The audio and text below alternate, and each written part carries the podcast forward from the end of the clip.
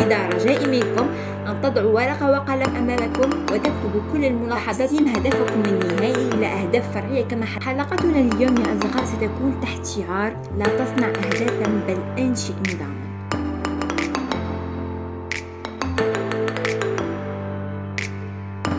أوكي. سلام ومرحبا بكم في حلقة جديدة من بودكاست موضوع اليوم الحلقة الثالثة من سلسلة 2023 بين التجديد والتغيير. الحلقة الأولى يا أصدقاء أعطيتكم تمهيد لما ستكون عليها سلسلتنا. وأعطيتكم الفرق بين كلمة التجديد والتغيير في الحلقة الثانية أخبرتكم لماذا نفشل في تحقيق أهداف العام الجديد وبعض النصائح التي إن أردتم أن تقوموا بتحقيق كل أهدافكم من العام الجديد من الأفضل لو قمتم بها. في هذه الحلقة يا أصدقاء سأخبركم كيف تحددون أهدافكم للعام الجديد؟ حلقتنا اليوم يا أصدقاء ستكون تحت شعار لا تصنع أهدافا بل أنشئ نظاما. لأنه يا أصدقاء أريد أن أخبركم شيء. لا يجب علينا أن نحقق أهدافا لأنها ستكون رغباتنا وهذا خطأ يقع فيه الكثير. الكثير يظن أن الأهداف من تجعلنا نحقق بعض النظام أو بعض التوازن في حياتنا. ولكن هذا خطأ. العادات من تسمح لنا بالوصول إلى أهدافنا وليس العكس. حسنا قد تتساءلون الآن كيف أحدد أهدافي الخاصة بالعام الجديد. كيف أرتب أولوياتي وكل هذا؟ انظروا أفضل طريقة حاليا لتحديد أهداف جديدة هي الأهداف الذكية Smart Goals. وحقيقة لقد تعرفت عليها مؤخرا ولديها حقا الكثير من المزايا التي ستساعدنا جميعا لأن الأهداف الذكية لا تساعدنا فقط في تحديد أهداف عام جديد أو شيء يمكنكم استعماله حتى في بناء ماركة خاص بكم أو تجارة خاصة بكم لأنها تشكل لنا نظام حياة. قد تتساءلون نعم ما هي هذه الأهداف الذكية؟ كيف نقوم بتحديدها؟ لا تقلقوا يا أصدقاء هذا كله سأعلمكم إياه في هذه الحلقة. إذا رجائي منكم أن تضعوا ورقة وقلم أمامكم وتكتبوا كل الملاحظات التي سأذكرها في حلقة اليوم لأنها مهمة جدا. أولا كي تضعوا هدف ذكي. يجب أن يتوفر هدفكم على خمس صفات مهمة ولا يجب أن تستثنوا أي واحدة منهم. وهذه الخمس صفات هي عندما نجمعها في كلمة واحدة سنجدها كلمة سمارت وهم محدد. يعني الهدف يجب أن يكون محدد قابل للقياس قابل للتحقيق مرتبط بالمرحلة التي تعيشها أنت الآن ومحدود بالوقت. آه وقبل أن أبدأ في شرح كل صفة لوحدها أريد أن أخبركم أنه يمكنكم دائما قراءة مقال الحلقة التي أقدمها لكم اليوم في مدونة موضوع اليوم. ستجدون الرابط في الأسفل. أول صفة سنتحدث عنها هي specific محدد. انظر. يجب أن تكون الأهداف الذكية واضحة تماما واضحة لعقلكم. وإلا فلن تتمكنوا من تركيز جهودكم لتحقيقها وستجدون أنكم تبعترون وقتكم في ملاحقة شتات هدفك الأساسي وهذا لن يولد لكم أبدا الدافع الكافي لتحقيقه.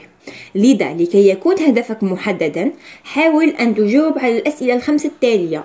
يعني إن, إن لم تعرف كيف تحدد هدفك وكيف تجعله أكثر تحديدا يمكنك أن تقوم بالإجابة على هذه الأسئلة وبالتالي ستقرب الصورة أكثر لنفسك.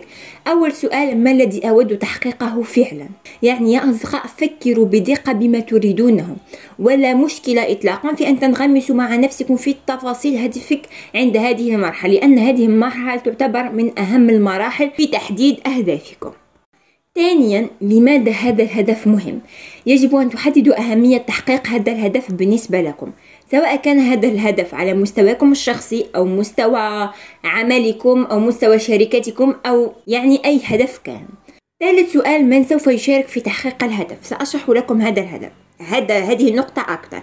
إن كان هدفكم مثلا هدف تجاري يجب أن يكون لديكم مثل فريق يعمل معكم لذا من سوف يشارك في هذا في تحقيق الهدف سيكون فريق بأكمله. إن كان هدفك مثلا تطوير نفسك سيكون المشارك في هذه في تحقيق الهدف هو نفسك وفقط. إن كان مثلا تطوير علاقاتك الزوجية يعني من سيشارك في تحقيق الهدف هو أنت وشريكك. رابع سؤال أين ستكون مراحل تحقيق الهدف؟ قد لا تحتاج إلى الإجابة على هذا السؤال إن كنتم تضعون أهداف شخصية ولكن إن كنتم ستعملون مع فريق لتحقيق الهدف وكان هناك حاجة لتحديد مكان العمل فيجب أن تحددوه في هذه المرحلة آخر سؤال ما هي المتطلبات والعقبات التي قد تواجهني؟ يعني يجب أن تكون يقظين تماما لما تحتاجون إليه لتحقيق هدفكم وقد يواجهكم دائما عقبات في طريقكم وأنسب مثال يا أصدقاء لكي نضعه في هذه النقطة هي الكثير من الناس حلمهم أو هدفهم هو إنقاص الوزن. تجدون أنهم يكتبون في تحديد أهدافهم إنقاص الوزن وفقط وهذا خاطئ جدا. يجب عليكم أبدا أن تقولون أريد خسارة الوزن. يجب أن يكون الهدف واضح لعقلكم. يجب أن تكون أكثر تحديدا بقولكم.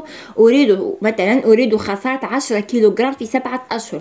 الصفة الثانية التي يجب عليها أن تكون في هدفكم يا أصدقاء هي قابل للقياس. وهذا المعيار يا أصدقاء يساعدكم على بقائكم مركزين وملتزمين أكثر بموعد إنجاز كل مرحلة من مراحل الهدف. كما سيجعلكم دائما تعرفون إن كنتم تتقدمون في تحقيق هدفكم أم لا. بمعنى آخر ضع محطات معينة أثناء رحلتك لتحقيق هدفك وهذه المحطات يجب أن تتضمن مقياسا يوجهك لمعرفة إلى أي مدى أنت أصبحت قريبا من تحقيق هدفك. نعود للمثال السابق مثلا في سبعة أشهر عشرة كيلوغرام. مثلا تجدون أنفسكم في ثلاثة أشهر أو أربعة أشهر قمتم بإنقاص ما يقارب خمسة كيلوغرام إلى ست كيلوغرام يعني أنتم جيدين يعني أنتم قمتم بعمل جيد. وأنتم تحرزون تقدم هذا من ما نقصد به قابل للقياس. ثالث صفة هي قابل للتحقيق. وهذه أهم يعني من أهم صفات الهدف يجب أن يكون قابل للتحقيق. يجب أن تكون الأهداف الذكية حقيقية وممكنة. بمعنى آخر يجب حقا دائما أن تتحدوا إمكانياتكم وعزيمتكم ولكن في الوقت ذاته تقع ضمن نطاق قدرتك أو واقعك. سأعطيكم بعض الأسئلة التي من الجيد لك تجيب عنها لتتأكدوا من قابلية هدفكم للتحقيق. مثلا كيف يمكنني إنجاز هذا الهدف؟ ما هي المهارات أو الإمكانيات التي أحتاجها أو, تقط... أو تنقصني لتحقيق هذا الهدف؟ إلى أي مدى؟ أو إلى أي حد يمكنني تحقيق الهدف بناء على مختلف العوامل التي يتطلبها؟ هل يمكن تحقيق هذا الهدف في الظروف الاجتماعية أو الاقتصادية الراهنة؟ هل المدة الزمنية المحددة لتحقيق الهدف كافية؟ لذا أهم شيء تقومون به عندما تجدون أن هدفكم غير قابل للتحقيق نظرا إلى ظروفكم الحالية هي تقسيم أهدافكم الكبيرة لأهداف أصغر وقد ذكرناها في حلقة سابقة بالقرارات المشهرية أي أنكم يجب عليكم أن تقوموا بتقسيم الهدف الكبير إلى أهداف أصغر لتصبح أكثر واقعية. رابع صفة وهي مرتبطة بك. يعني أن الأهداف يجب أن تكون جزءا من صورة أكبر تسعى للوصول إليها مثلا لا يجب أن يكون هدفك النهائي في هذا الطريق والأشياء التي تعمل عليها الآن في طريق آخر. يجب عليهم أن يكونوا متصلين مع بعضهم. خامس نقطة محددة بالوقت. يجب أن يتضمن كل هدف في نموذج الأهداف الذكية رابطا زمنيا لإنجازه. يعني يجب عليك دائما أن تكون محاط بوقت يجب أن تضع لنفسك وقت البداية ووقت النهاية لكي تتمكن من التركيز على تحقيقه قبل بلوغ الموعد النهائي له. يساعدك هذا العامل أيضا يا أصدقاء على تغليب أولوية السير وفق خطة عمل على الأمور الحياتية التي قد تعيق. تحقيق ذلك من المهم أيضا عند تحديد مدة زمنية للهدف أن تكون المدة الكافية لتحقيقه. فلا تهدف أبدا لإتقان مهارة متقدمة تتطلب عدة أشهر عدة سنوات في شهر واحد. هذا مستحيل. أو أن تهدف مثلا لتحقيق عدد كبير من الإيرادات خلال أول أسبوع فقط من إطلاق خدمتك أو ماركتك.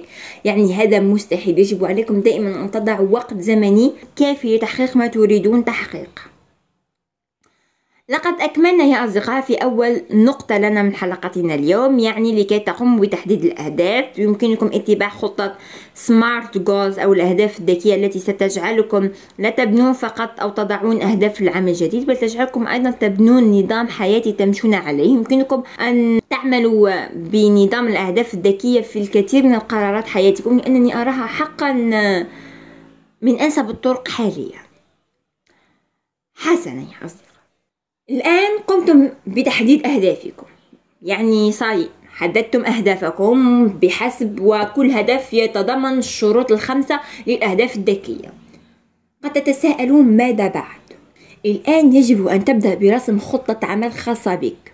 انظر يمكنكم أن تقولوا لماذا هذه فتاة؟ كأنها برنامج. يعني تحب أن يكون كل شيء وفق نظام. يعني انظر أنا إنسانة منظمة جدا لدرجة يمكنكم تصورها.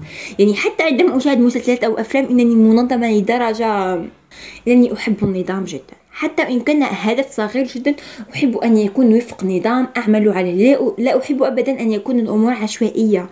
يعني حتى أصدقائي أو أختي عندما تقوم بعمل بشكل عشوائي إنني أغضب أحب كل شيء أن يكون وفق نظام معين كل شيء تحت السيطرة. يعني أحب هذا. حسنا لنعود. خطة عملك يا أصدقاء عندما تقومون برسمها يجب أن تتضمن ثلاث عناصر أساسية. أساسية أنني لم أريد أن أقوم بوضع خطة عمل ذات 15 خطوة. أردت أن تكون خطة عمل قصيرة ومفيدة. أهم شيء أن تكون مفيدة.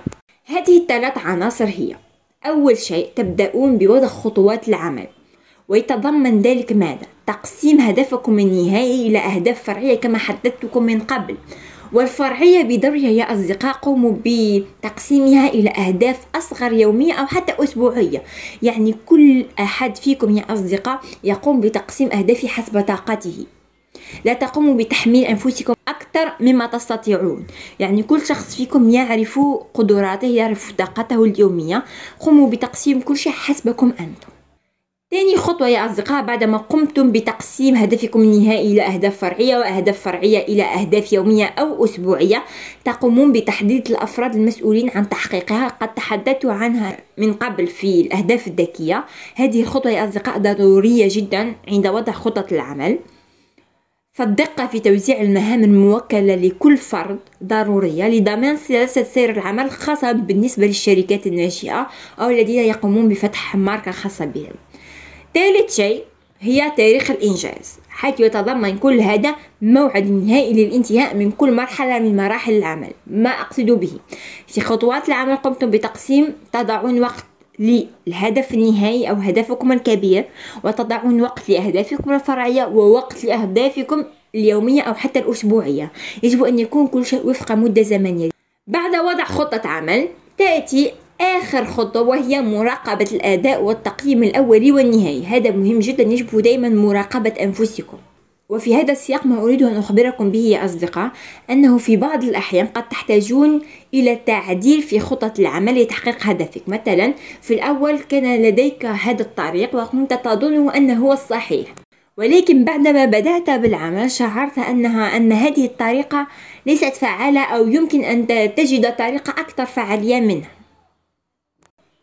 وهنا يا أصدقاء لا تترددوا أبدا. لا تترددوا إطلاقا في التعديل أو التغيير. إن, إن رأيتم أن التغيير أو التعديل سيوفر عنكم عناء ومجهود كبير أو أنها ستثقل مهاراتكم أكثر فلا تترددوا أبدا. قوموا بالتعديل قوموا بالتغيير. فهذا السلوك التكيفي والتطويري ضروري إن أردت تحقيق أهدافك لا سيما الكبيرة منها والتي تحتاج إلى فترة زمنية طويلة. وصدقوني يا أصدقاء إن, إن اليوم وجدتم أنكم لم تجدوا الطريقة الصحيحة وقمتم بتجريب مئة طريقة لتجدوا الطريقة الصحيحة فمشروعكم القادم أو هدفكم القادم سيكون أسهل بالنسبة لكم لأنكم تعرفتم بالفعل في المرة, في المرة السابقة على الطريقة الأنسب لكم. وهذه هي حلقتنا يا أصدقاء. هذه هي الحلقة الثالثة من سلسلة 2023 بين التجديد والتغيير. ودمتم في أمان الله.